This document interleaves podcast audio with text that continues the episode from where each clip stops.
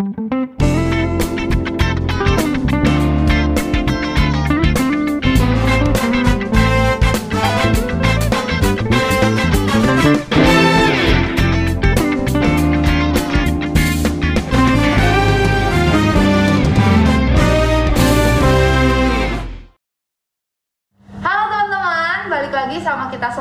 Pas Pamres. Hari ini spesial banget karena gue nggak sendiri dan gue nggak bertiga juga. Tapi hari ini gue bawa lima teman gue karena hari ini kita mau bahas sesuatu yang sangat menarik dan spesial banget. Nah hari ini balik lagi sama gue Okta. Gua Rasu. Gua Daniel. Gua Stefanus. Gua Novita. Gua Abraham. Nah, kenapa kita berenam? Karena kita bakal bahas sesuatu yang memang mungkin uh, lagi jadi bahan uh, kepusingan anak-anak muda, bahan kepusingan teman-teman mungkin ya. Kita bakal bahas tentang calling, passion dan segala hal yang berhubungan tentang itu. Ya nggak teman-teman? Mantap. Pertanyaan yang sering anak-anak muda tuh tanyain Sering bener tanyain, sih? Bener ya kan? banget, apalagi kalau udah mulai lulus kuliah tuh, ya nggak sih? Terus kuliah, kerja. Cari pokoknya kerja. Ya, ya quarter Ya. life quarter life crisis gitu kan pasti mikirin gitu, bener gak sih? Iya, bener banget. Nah, dan kita mau sharing apa yang memang pengalaman pribadi kita sendiri kita pernah alamin, bener gak sih? Betul. Apa yang mungkin bisa teman-teman pelajari dari kehidupan kita, dari kehidupan nyata tentunya, ya nggak Nov? Iya, saya mah lagi ngalamin sekarang. Jadi saya Jadi lo lagi bertanya-tanya lagi gitu? bertanya-tanya karena baru lulus, gak gak tahu passion itu apa, gak tahu calling itu apa gitu ya. Jadi mohon dijelaskan ini kakak-kakak saya bungsu di sini. bungsu.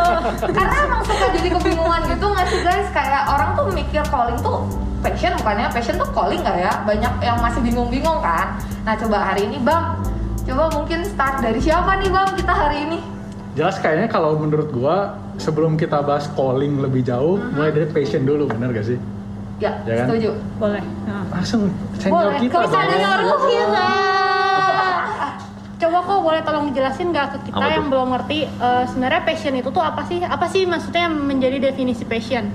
Kan kadang kalau misalnya kita suka doang, apakah hobi itu bisa masuk ke passion atau passion itu punya pengertian tersendiri gitu? Hmm, oke. Jadi kalau bicara mengenai passion sebetulnya sesuatu yang memang eh, teruji dengan waktu. Kalau kita cuma bilang, oh gue passionnya main game, eh iya tapi kan itu nggak akan lu bisa buat buat hidup lu gitu loh. Terus masa lu mau sampai tua cuma jadi gamers kan itu nggak mungkin. Jadi passion itu pasti sesuatu yang memang menggebu-gebu dalam hati lu. Even kalau lu nggak dibayar pun lu pasti akan tetap kerjakan karena itu something yang buat lu tuh lu banget gitu. Passion lu tuh di situ. Jadi benar-benar membuat lu tuh jadi hidup banget gitu. Dan mungkin maybe ya orang baru ketemu passionnya tuh justru setelah dia menghadapi masalah, setelah dia coba ini dan itu, baru akhirnya dia menyadari iya ya ternyata passion gue tuh ini. Dan mungkin waktu dia jalanin sebelumnya dia nggak pernah berpikir bahwa itu tuh passion dia. Jadi passion juga bisa dicapai nanti setelah dia menjalani eh, pengalaman-pengalaman dalam kehidupan dia. Sampai di satu titik tiba-tiba ada satu inspirasi yang Tuhan beri dalam hati dia bahwa iya ya ini tuh sesuatu yang memang panggilan lu terdalam di dalam diri lu yang membuat lu tuh sampai betul-betul wah gue tuh hidup banget waktu gue lakuin ini gitu sebetulnya. Tapi wajar nggak kok kalau misalnya ya eh, kita tuh kayak terlambat gitu ketemu passionnya? Wajar. Jadi Wajar. misalnya aku suka A gitu sekarang, aku merasa nih oh ini passion aku nih. Tapi nanti seiring berjalannya waktu aku tuh kayak mm, tiba-tiba nggak yakin gitu. Kan kadang suka kayak gitu kan. Hmm. Gimana caranya supaya kita tuh yakin banget oh ini tuh passion gua nih gitu. Maksudnya Tuhan tuh memang i- menyimpan ini di dalam diri gua gitu. Karena kan kadang-kadang kayak kita udah yakin nih ini Tuhan simpan di dalam diri gua menggebu-gebu terus nanti tiba-tiba kayak turun gitu. Hmm, Oke, jadi memang eh, kita nggak bisa ngomong bahwa oke dari ciri-ciri tadi saya kira-kira udah nemuin nih passion saya. Terus kita yakin bahwa itu akan jadi passion kita dari pertama kali kita ketemu passion kita sampai nanti akhir hidup kita belum tentu juga. Jadi maksudnya gini, passion ini kan sesuatu yang kita juga lagi gali di dalam diri kita masing-masing dong, ya. Hmm. Passion lu misalkan, oh gue memang gini dah, gue jagonya di sini dan kayaknya tuntunan Tuhan juga ke sini nih dari berapa tahun yang lalu gitu kan. Dan lu juga wah interesting banget di situ lu kerjain, tapi seiring berjalannya waktu lu ketemu masalah, lu ketemu bro- banyak problem baru, drama-drama baru dalam hidup lu, tiba-tiba kok passion gue bergeser ya. Nah itu juga mungkin terjadi sih sebetulnya. Jadi nggak nggak melulu bahwa passion lu tuh harus sesuatu yang lu capai dari betul-betul lu ngerti denger ini terus tiba-tiba lu dapetin itu bahkan sampai lu bawa mati passion lu itu ya bisa juga sama sih ya. Tetapi mungkin juga terjadi pergeseran, mungkin juga bisa terjadi perubahan seiring berjalannya waktu. Kalau di sini nih di antara kita, Hmm. kira-kira eh, mau tanya deh aku sama Ci Okta dulu deh. Kayak bisa jelasin nggak sih maksudnya apakah Cici tuh masih mencari passionnya atau udah ketemu passionnya? Kalau aku kan jelas nih, kalau dari cerita aku, aku masih mencari passion aku karena kayak bisa kayak kemarin misalnya lagi kuliah, aku merasa kayak aku kayaknya cocok deh kerjain ini. Tapi ternyata setelah dijalanin, kok kayak nggak nggak yakin yakin amat juga gitu. Nah itu kalau Cici gimana tuh? Apa udah pernah melewati itu dan udah yakin atau masih dalam proses atau gimana? Hmm. Oh gue pribadi, gue pernah melewati itu tau gak? Gue kayak questioning gitu, ini sebenarnya passion gue apa sih? Soalnya waktu itu gue pernah sampai kayak ikut-ikutan teman. Oh kayaknya kalau cewek umur segitu tuh kayak gitu gitu ya. Hmm. Tapi ternyata pas setelah akhirnya gue hidupin, gue jalanin, gue menemukan kalau ternyata kalau ciri-ciri yang tadi kau Ivan bilang ya, kayaknya lu interest di situ, terus lu rela lakuin itu nggak dibayar segala macem. Kayak gue menemukan satu sih, menemukan yang kalau gue tuh senang berlama-lama share hidup, terus kayak ya lama-lama aja gitu sama anak-anak. Nah, sekalipun uh, ada momen di mana gua harus bersama dengan anak-anak itu berjam-jam gitu ya. Kalau dilihat mami-mami udah sampai pusing, gua tetap senang gitu sama kalau kalau kumpul sama anak-anak. Itu salah satu passion gitu nggak sih kok? Kalau Iya itu masuk ya? Iya dong. Iya dong. Dan menariknya ada satu orang cerita sama saya gini. Lu tau gak sih, ternyata passion hidup gue tuh bukan gue yang dapet, tetapi mentor rohani gue yang dapet. Jadi ada, ini kisah nyata ya, ada seseorang yang cerita sama gue dan dia bilang, e, ternyata gue baru sadari apa yang ditanam sama mentor rohani gue, lu tuh nanti harus gini, lu harus gini. Gue pertama nggak nggak bisa terima itu, kenapa jadi hidup gue diatur sama lu katanya. Dan mungkin itu passion lu bukan passion gue, kata dia gitu ya. Tapi ternyata lewat seseorang Tuhan tuh bisa giring passion kita ke arah situ. Even yang tadinya kita nggak pernah sadar bahwa itu tuh satu passion yang bakal jadi passion dalam hidupan lo gitu. Itu pun bisa terjadi. Jadi ini tuh sebetulnya bahasan yang sangat luas dan kompleks sekali. Iya. Ini cocok nih untuk Ko Daniel. Karena kan Ko Daniel di sini membawahi banyak anak muda nih. Kira-kira dari cerita Ko Daniel sendiri atau cerita anak-anak di Ko Daniel nih, ada nggak sih yang pernah Ko Daniel bantu? Maksudnya kayak Ko Daniel kasih saran, Untuk sampai ketemu. untuk sampai ketemu passionnya gitu. Jadi kan kayak anak-anak di sini juga mungkin, oh iya gue perlu mentor gitu dalam hidup gue kayak gitu. Sebelum Ko Daniel jawab, itu ceritanya Ko Ivan itu mirip ke, ke cerita gua. Kehidupan lu ya?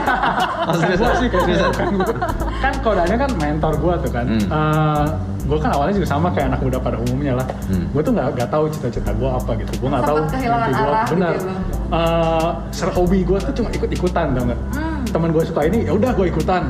Gua nggak tahu gua jagonya apa. Gua nggak tahu sukanya gua apa. Tapi waktu gua hari itu, eh, ya waktu itu kan kita sering ngobrol gitu kan sampai jam 4 lah, gaul lah gua menggaulkan diri gua Hmm. bersama Ko Daniel hari-hari itu. Terus eh, dapat kesempatan sharing lah, eh, pelayanan segala macam dan di situ gua baru nemu tuh dari Ko Daniel juga yang ngomong, "Bang lu bagus nih di sini. Lu bagus nih di sini." Tanpa sadar kan itu jadi kayak Ko Ivan bilang tuh. Jadi kayak konfirmasi gitu loh. Hmm. Dia kayak, "Oh, ini loh. Ternyata ini loh yang ternyata selama ini gua tuh nggak sadar gitu." Gitu. Gak tau nih Ko Daniel masih inget gak itu? Gimana Kisah-kisah sih kok? Ada cerita nggak kayak kenapa sih Koko bisa bisa ngelihat passion orang atau gimana bisa tahu orang ini tuh cocok di sini atau gimana gitu? Enggak sih, basically sebetulnya bukan kita bisa lihat dan kita yang tentuin kali ya. Cuma karena waktu orang-orang nyoba-nyoba kan kita bisa lihat nih. Si A bagus di sini, si B bagus di sini. Wih, dia ngelakuin ini powerful banget nih. Dia ngelakuin ini kayaknya happy banget nih, kayak dari hati meluap-luap gitu kan. Kayak sebelah aku nih, Lazu kalau udah ngurusin digital-digitalan, desain, foto, wah kayaknya happy banget gitu ya. Kan Iya. kelihatan jelas di situ obvious. Kelihatan deh mukanya. Ya. Desain-desain. kan kita pernah pernah sekom- satu komsel bahas ginian doang inget gak tuh Iya, pernah. di Aruna lagi Nah, sering kali orang tuh sebetulnya bukan nggak punya passion, tapi nggak sadar aja, belum sadar gitu. Belum ketemu gitu ya? Belum sadar, Belum sadar. belum sadar. Jadi waktu itu makanya aku sengaja bikin komsel untuk ya coba look at yourself, lihat ke dalam diri kita apa sih sebetulnya yang selama ini lo lakuin? Yang tadi Kosan bilang kita enjoy banget. Hmm. kita enjoy berasa ya happy aja lakuin ya nggak dibayar pun rela. Dan yang tadi Okta share juga spend waktu banyak tuh happy di sana. Gitu. Jadi nggak ada tuh istilah kalau orang udah bener-bener ketemu minatnya mereka nggak akan nemuin kata I love uh, weekend I love Saturday I Hmm, ya, ya, ya. Setuju, setuju, setuju, setuju. akan ada. Ya, ya, ya. karena enjoy aja gitu karena emang udah di situ gitu ngejalaninnya enak gitu ya Iya, jadi enak. Tapi setuju sih soal passion itu kita setiap tiap orang pasti nemunya beda-beda. Hmm. Jadi kalau menurut gua sendiri eh, yang namanya quarter life crisis itu belum tentu soal play, soal passion. Karena kalau pengalaman gua sih eh, dari kecil udah tahu nih senangnya di seni. Karena Hmm. orang tua juga udah apa ya kayak ngejerumusin semua seni. Ayo les nyanyi, ayo les Hmm, musik. turunan nggak gitu dari keluarga yang Eh, orang seni Kayaknya mungkin ada ya, mungkin ada. Karena kalau kalau papa dulu emang seneng gambar, kalau mama bisa nyanyi dan dia otodidak main, main musik gitar gitu. pantas lo multi talent nih Amin gitu, amin gitu. Sambil nyanyi bisa sambil ngedesain bisa gitu. Bisa juga, dia uh, preaching juga kok Nah, bisa Nah lewat itu ya kan eh, kita kan terjun di pelayanan bareng-bareng nih. Ah. Nah jadi waktu dari kecil emang udah suka seni dan jadi semuanya dicobain. Jadi di sekolah ikut kontes nyanyi pernah, kalau ngegambar juga senang, main cat senang, dulu sampai sampai berantakan. Terus dulu tuh kalau ya mungkin teman-teman semua beda-beda kali ya. Kalau gua tuh dulu maksudnya playgroup dulu. Dan di playgroup kan semuanya main kan istilahnya ketemu orang, ketemu Kita playgroup dong kayaknya. Oh iya. bisa pas gede tapi ya pas gede baru playgroup playgroup anak-anak itu kan kerjanya main chair, nyanyi dan lain sebagainya gitu. Nah, tapi singkat cerita jadi makin besar itu makin terfokus gitu apa yang Kerucut senang. gitu ya? Iya. Yang dulunya seneng gambar, masuk-masuk SMA udah mulai malas ngegambar, tapi bisa. Tapi Hmm. kalau disuruh ngegambar, ya bilangnya jadi kerjaan nggak mau. Karena Hmm. udah udah nggak sesemangat waktu kecil gitu. Terus kalau disuruh nyanyi, ya banyak kok penyanyi-penyanyi yang eh, mereka bisa nyanyi, mereka bisa tampil. Kalau gue lebih memilih buat dia, tapi gue bisa nyanyi. Gitu. Hmm. Tapi gue meninggal. Nah, jadinya waktu masa-masa SMA sampai kuliah itu sebenarnya belum tahu passionnya tuh belum jelas. Tapi eh, karena masa kecilnya banyak yang dicoba, jadinya gue gambar bisa. Terus masuk kuliah ngedesain dan komputer digital, gue jadi senang lagi ada interest yang baru. Ternyata itu nyambung juga ke seni. Jadinya makin lama makin nyambung kan. Nah, sampai akhirnya setelah lulus SMA justru gue baru ketemu sebenarnya gue tuh sukanya di mana sih? Dan waktu lulus SMA, eh lulus kuliah itu eh, lebih senang cenderung ke desain. Makanya ngambil job eh, freelance desain, edit video, terus sempat masuk wedding, terus masuk pelayanan juga ikut ngedesain. Dan gue senang kerjaan itu saat itu. Hmm. Tapi eh, seiring berjalan waktu, dan gue merasa passion ini tuh setiap orang pasti bisa geser-geser. Tuh, setuju kayak yang tadi Ko Ivan, Daniel bilang, passion setiap orang tuh nggak memang dari kecil sampai tua satu doang nggak. Hmm. Tapi ada masa-masanya gitu dan semua itu kayak eh, dituntun sesuai dengan pengalaman dan aktivitas kita sehari-hari. Gitu. Ya, ya. Hmm. cuma makin lama makin mengerucut Makin mengerucut, benar. Karena yang dulunya senang desain, dulu passion banget desain. Sekarang gue nggak mau kalau ada proyek desain, mending udah nih orang lain yang kerjain. Mending lo aja nih kerjain. Kalau gue sekarang lebih senangnya megang kamera, foto, video gitu. Seni-seni lagi tapi tetap kan. Tetap di seni. Iya Karena kan? apa ya? Mungkin talenta sama bakat kali ya dari kecil kan udah kelihatan. Iya, iya. iya. tetap di seni tapi ngerucut gitu ya Hmm, tetap di seni kan seni ya areanya banyak lah. Ya, ya. Tapi dia jadinya hebat loh kenapa? bisa ingat kejadian dan pengalaman waktu playgroup gitu. Iya ya. Iya. Salah fokus ya. Gua udah salah fokus ke situ karena gue kayaknya nggak ada memori waktu karena playgroup menyenangkan banget ya Bu gak ada PR main terus Iya, mungkin karena banyak ini kali ya. Dari- dari kecil. gitu loh. Dari kecil udah tau passion dari playgroup kayaknya. Iya. Oke, gua senang nih. Eh gua- salah narasumber lu.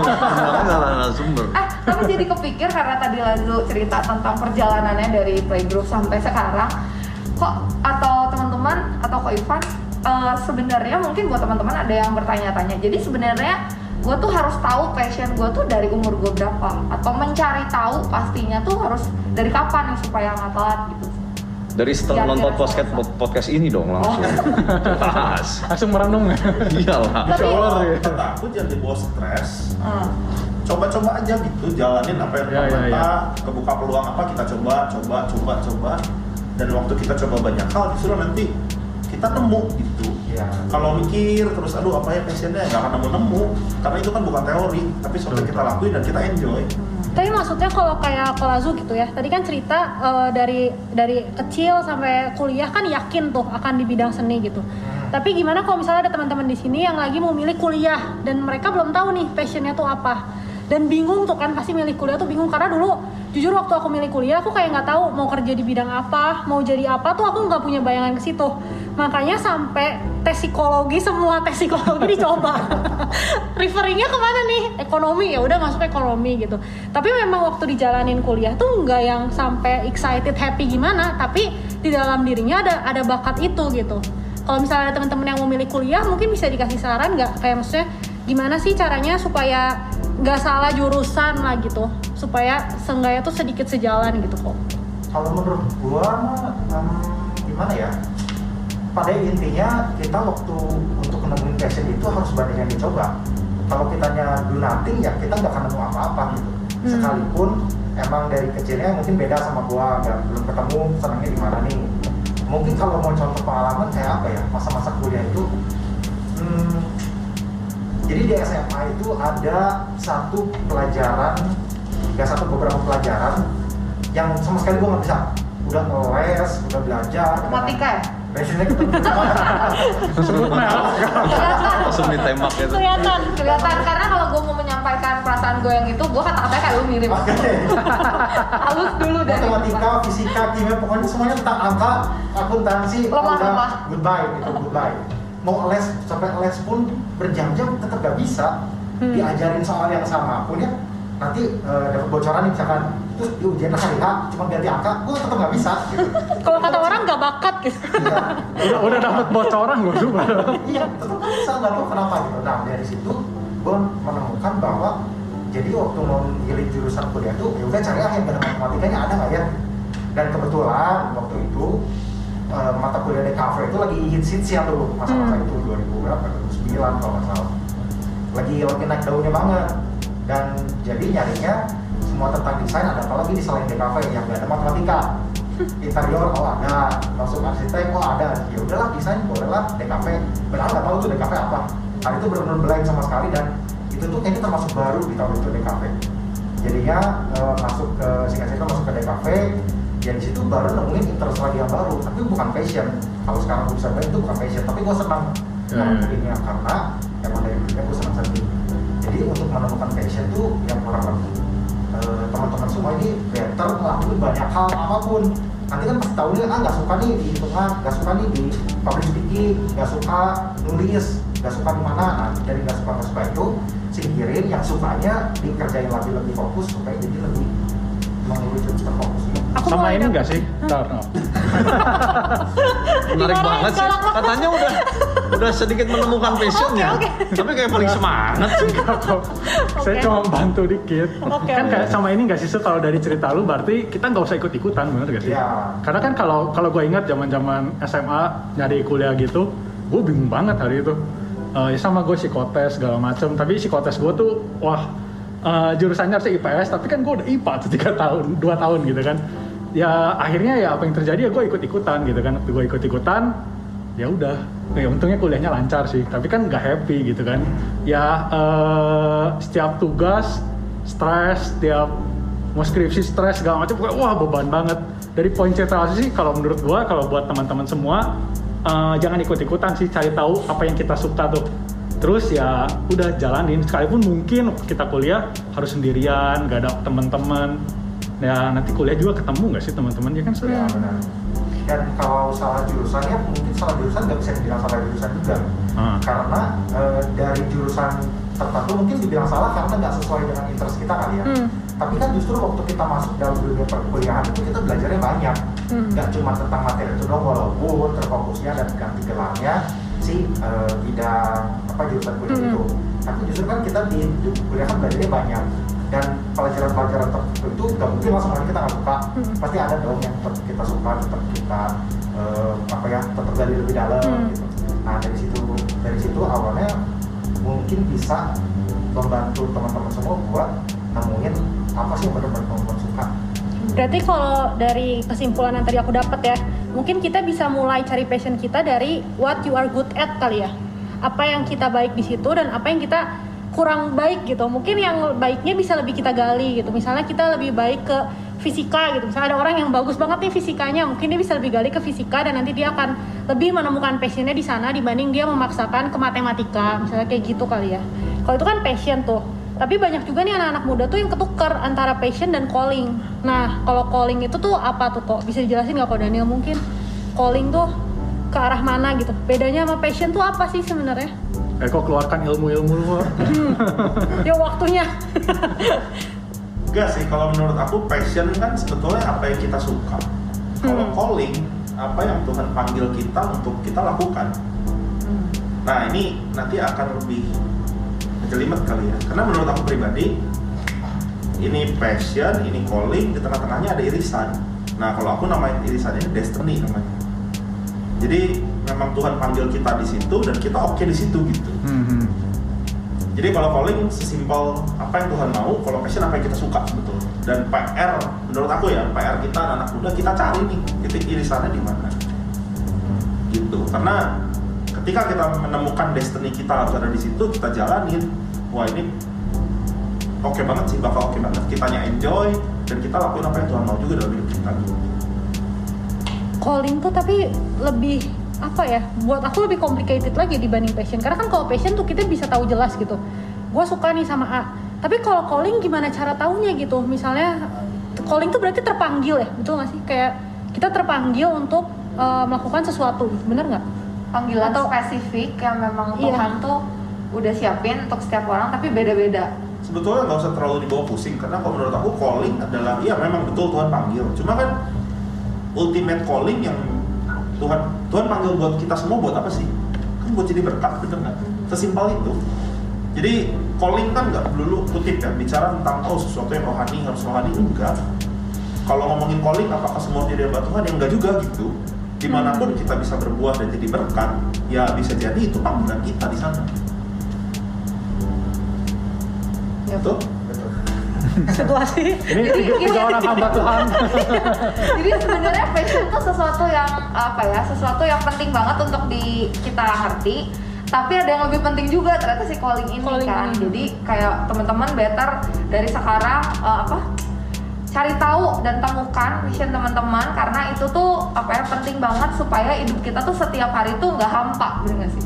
Tapi lebih benar-benar lebih bergairah dan lebih excited gitu. Nah kalau gue punya pertanyaannya gini em, gimana sama orang-orang yang bekerja yang mereka tuh be- bertanya-tanya tuh ini gue tuh kerja tuh apakah ini calling gue ini tuh gue kerja tuh apa yang gue kerja aja apa panggilan itu tuh layak untuk gue yang gak pintar-pintar amat atau gimana gitu karena nggak semua orang tuh sadar kalau dirinya tuh punya panggilan gitu. hmm. ya betul. ada yang menjalani hidupnya ya udahlah yang punya panggilan orang yang rohani aja orang yang sungguh-sungguh aja kalau gua mah gua kerja punya duit ya udah cukup gitu Ko Ivan terlihat seperti ingin menjawab Kayaknya kayak kalau orang kayak gitu mindsetnya harus diganti dulu karena calling kan belum tentu di gereja doang ya kan. Kalau calling ngomonginnya di gereja doang, ya ujung-ujungnya hamba Tuhan, full timer gitu kan enggak. Semua orang pasti Ya kan, punya betul. kan? Heeh. Gak cuma di gereja Pasti doang, gereja. pasti di luar gereja. Dan jangan berpikir gini, bahwa lu kalau dipanggil di gereja tuh lu lebih mulia, jangan. Ah, benar-benar. Itu most of people mikir gitu loh. Kalau gua kerja di gereja, gua tuh jadi lebih holy, lebih salah salah berat. Which is kalau lu ada di tempat yang keliru, lu bisa membahayakan satu perahu untuk terjerumus bersama dengan lu. Itu yang jadi bahaya. Bayang nggak? Lu eh, Tuhan tidak panggil lu di satu tempat, lu memaksakan diri ada di tempat itu, lu tuh sebenarnya sedang membahayakan satu satu satu perahu yang dengan lu tuh ikut berbahaya kenapa? Karena ada kehadiran lu yang salah. punya cerita tertentu nggak kok Yunus. Tuhan panggil Yunus untuk pergi ke Niniwe. Yunus malah dengan pedenya dia pergi ke Tarsis. Nah waktu dia pergi ke Tarsis, dia tuh pede. Kenapa? Karena Alkitab mencatat dia tidur pules waktu badai datang. Mhm. Berarti dia tuh dalam keadaan tidak merasa bersalah. Dia nggak ada guilty, guilty feeling gitu dengan keadaan itu. Mungkin ya, mungkin ya kalau ini em, ini tafsir saya lah ya. Mungkin kenapa? Karena Yunus itu kan seorang nabi. Ciri nabi itu sebetulnya dia eh, bicara nabi itu pasti kuat dengan yang namanya nubuatan. Dan sudah banyak nubuatan bahwa satu kali akan ada bangsa Asyur, bangsa yang besar yang akan menjajah orang-orang Israel dan membuat orang Israel tuh dirugikan. Ah. Pasti saya yakin Yunus tuh tahu. tahu cerita itu karena dia kan nabi. Ya. Maka waktu dia pergi ke Tarsis untuk menjauhi Niniwe, dia tuh yakin dia tuh sedang ada di pihak Tuhan untuk membela Tuhan. Maka dia yakin banget gitu, tidur pulas di situ. Sampai akhirnya orang-orang yang satu perahu itu kan ikut kena badai gara-gara siapa? Pilihan si Yunus. Mhm. Bayang nggak kalau si Yunus gak ada di perahu itu? Yang lain tuh baik-baik aja gitu loh. Nah ini yang bisa jadi bahaya adalah saat kita ada di tempat yang salah karena kita kelu apa tidak sesuai dengan calling yang Tuhan tentukan. Itu sebetulnya yang jadi bahaya buat kehidupan kita. Nah tadi yang siapa yang tanya ya tadi ya? Okta apa eh, Novi ya? Kan tanya gini, kok bisa sih lu ke, ke Daniel kan? Kok bisa sih lu lihat eh, panggilan seseorang tadi tentang siapa? Tentang lu ya? tentang lu ya? tentang anak rohaninya Nah, gitu Kalau gue tarik kesimpulan gini, kenapa sih kita perlu mentor atau pemimpin di atas kita? Karena, however, mereka adalah orang-orang yang ada di anggaplah sebuah bangunan, dia ada di level bangunan, tingkatan yang lebih tinggi, sehingga sudut pandang dia tuh jauh lebih luas. Gue hidup sendiri, gue nggak akan pernah tahu calling gue, passion gue even juga gue nggak akan tahu gitu ya.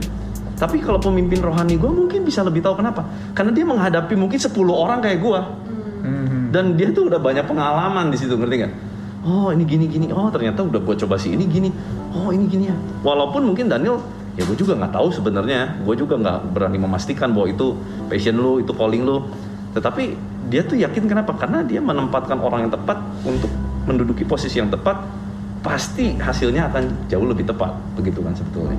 So makanya sebetulnya kita perlu orang yang menuntun kita untuk kita bisa ngerti eh, apa passion Calling. calling kita. Dan gue tadi ingat satu ayat yang bilang gini segala sesuatu boleh. Ya kata Rasul Paulus. Hmm. tetapi bukan segala sesuatu berguna.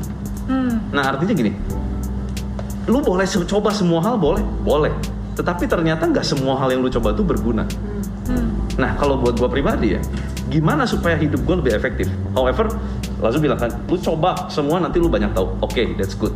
Iya, jelas lah itu karena lu banyak coba lu jadi banyak mengerti. Hmm. Tetapi kalau lu kebanyakan coba dan lu pada akhirnya nggak dapet apa-apa juga sebenarnya u- useless sih gitu, Iya. wasting time banget gitu kan. Iya, iya. Nah kalau gua ya, pengalaman hidup gua waktu gua masuk kuliah, tiba-tiba Tuhan arahkan gua untuk kuliah accounting.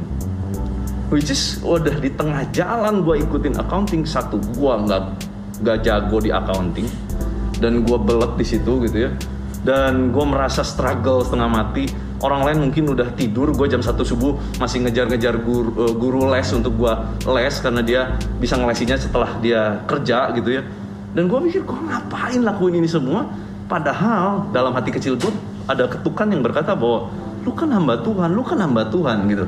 Hmm. dan di situ membuat gue jadi iya gue lagi ngapain ya? Seperti gue tuh pelari maraton tapi gue latihan bulu tangkis. Nggak nyambung sih gitu. Gue tuh sempat ada di posisi itu loh. Ya gue ngapain sih ini? Gue ngabisin waktu. Dan gue mencoba untuk keluar dari situ. Gue bilang sama bokap gue waktu itu pah gue mau sekolah eh, apa waktu itu ada kesempatan untuk SOT di Singapura. bareng sama Pastor Fandi pah gue mau ke sana deh. Tapi tiba-tiba bapak gue yang tadinya setuju tiba-tiba dia bilang gini Van lu berani mulai sesuatu terus lu belum akhiri lu tinggalin. Hmm. sampai kapan pun hidup lu akan jadi pelarian. Ya. waktu lu kerjain ini wah obstacles. Oh masalah. Lu gue tinggal lah gue cari yang lain. Nah itu akhirnya tidak akan membuat lu belajar nilai kehidupan. Nah Hmm. jadi kalau gue lihat kalau gue udah min kita ya kalau kita minta sama Tuhan Tuhan tuntun saya nggak ngerti nih passion saya saya nggak ngerti calling saya tapi saya mau ikut rencana Tuhan nah itu hati yang mau itu sebenarnya paling penting Hmm. nah waktu kita bilang Tuhan aku mau ikut nanti Tuhan kan akan arah Arahin. Tuhan akan arahkan dengan cara yang kita juga nggak ngerti. Kita ikuti step by step, tanda demi tanda. Tuhan, gue mau melangkah ini, gue minta tanda. Nah, gue minta tanda. Dan tandanya tuh, gue kuliah accounting itu loh, celakanya. karena gue nggak tahu karena gini, tiba-tiba gue, gue, jadi gue tuh ikut gitu Tuhan. Lucunya gini, Tuhan, gue harus kuliah di mana? Itu dulu dong pertanyaan gue waktu itu kan. Tiba-tiba ada satu temen nyokap gue tiba-tiba kasih amplop sejumlah uang. Dia bilang gini, ini uang hanya untuk lu ujian saringan masuk. gitu. Oke, gue cuman tahu berarti gue harus kuliah itu kan, karena Iya. Tuhan udah siapin uang, uang apa? Uang Ujian saringan masuk. ujian saringan masuk dan untuk apa? Sumbangan sukarela lah istilahnya kan suka ada sumbangan khusus, sumbangan sukarela gitu ya. Hmm. Sumbangan khusus apa sumbangan pembangunan ya? Sumbangan sukarela. sukarela. sukarela ya betul. Ya. nah, sumbang sukarela. Ya udah gue nominalnya segitu karena ini di- di- dikirim Tuhan nih gitu kan ya. Nah waktu gue jalanin terus gue mulai nyari. Ya itu kan bagian gue dong nyari ya. Part yang tadi si Lasu bilang. Kita harus coba. Oke itu jadi akhirnya part gue untuk nyari tahu dan sebagainya. Eh accounting tuh apa manajemen tuh apa apa ya. Gue harus cari tahu itu bagian gue nah waktu gue udah gue pikir pikir pikir terus gue mikir duh kalau accounting kayaknya gue nggak sanggup deh tapi keluarga udah bilang keluarga gue bilang eh lu kuliah accounting nanti ya. Wah masa depan lu cerah.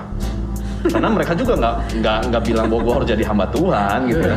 Keluarga gue kan kebanyakan iya pokoknya lu accounting wah masa depan lu pasti bagus bakal dipakai banyak orang dan ini pasti dibutuhin dalam hidup lu.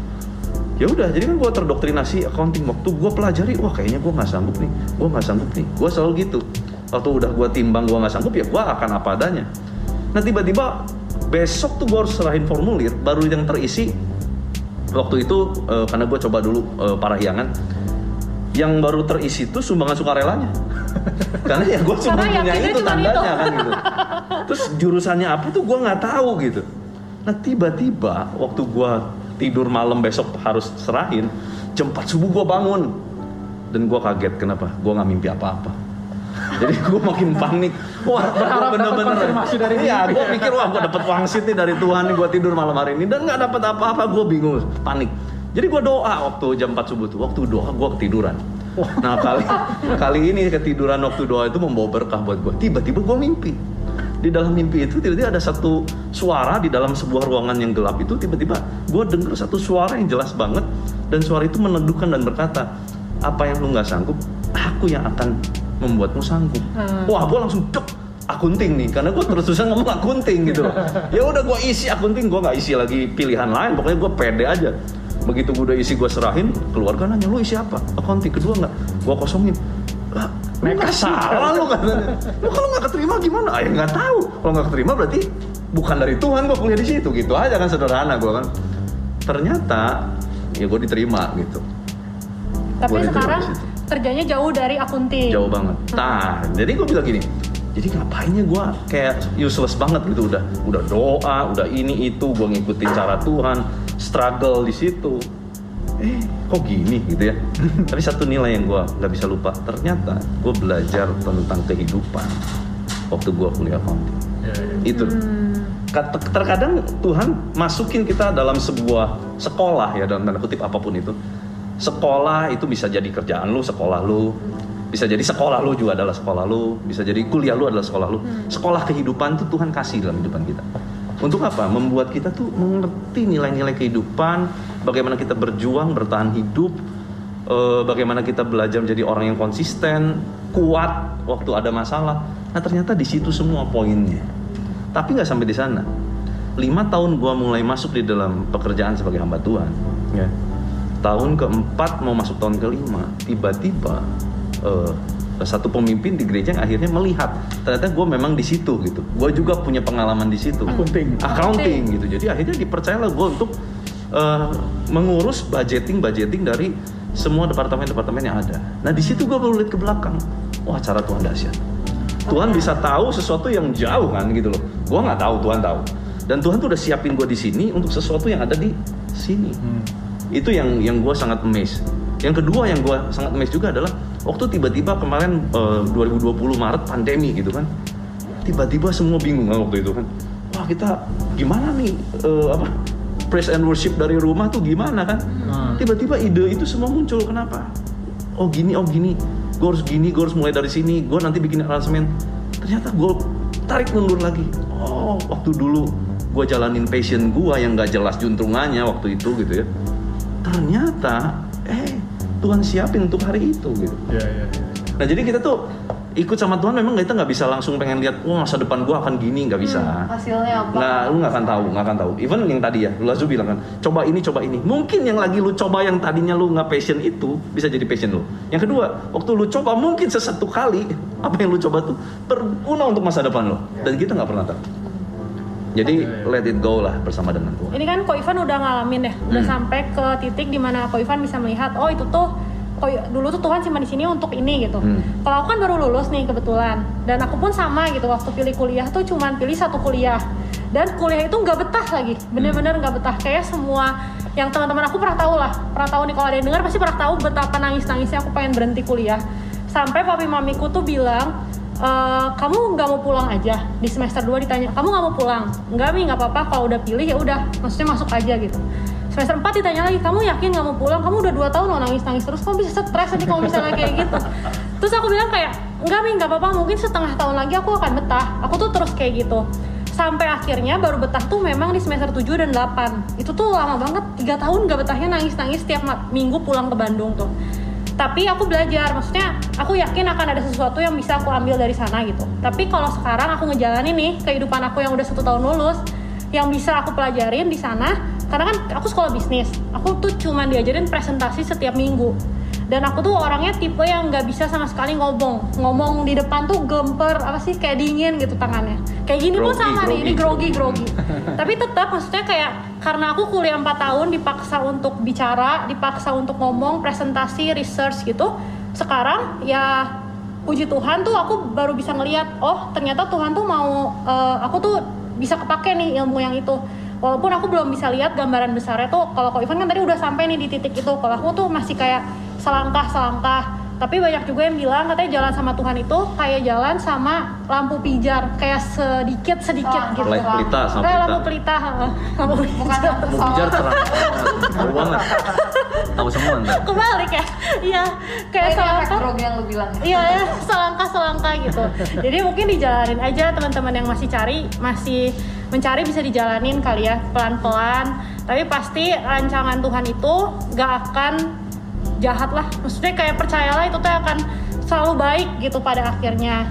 Mau passionnya apa, mau callingnya apa, pasti nanti tuh akan ada titik di mana kita tuh bisa melihat oh ini tuh sesuai nih dengan apa yang gue senang dan Tuhan mau gitu. Jadi sebenarnya kalau ngebahas passion dan calling kan artiannya kira-kira kayak gitulah ya. Kira-kira kalau passion itu apa yang kita suka dan calling itu apa yang Tuhan Mau. mau mau, ya kan? nah maybe Tuhan tuh sedang membuat lu menabung untuk masa depan lu yang sesuai dengan passion lu.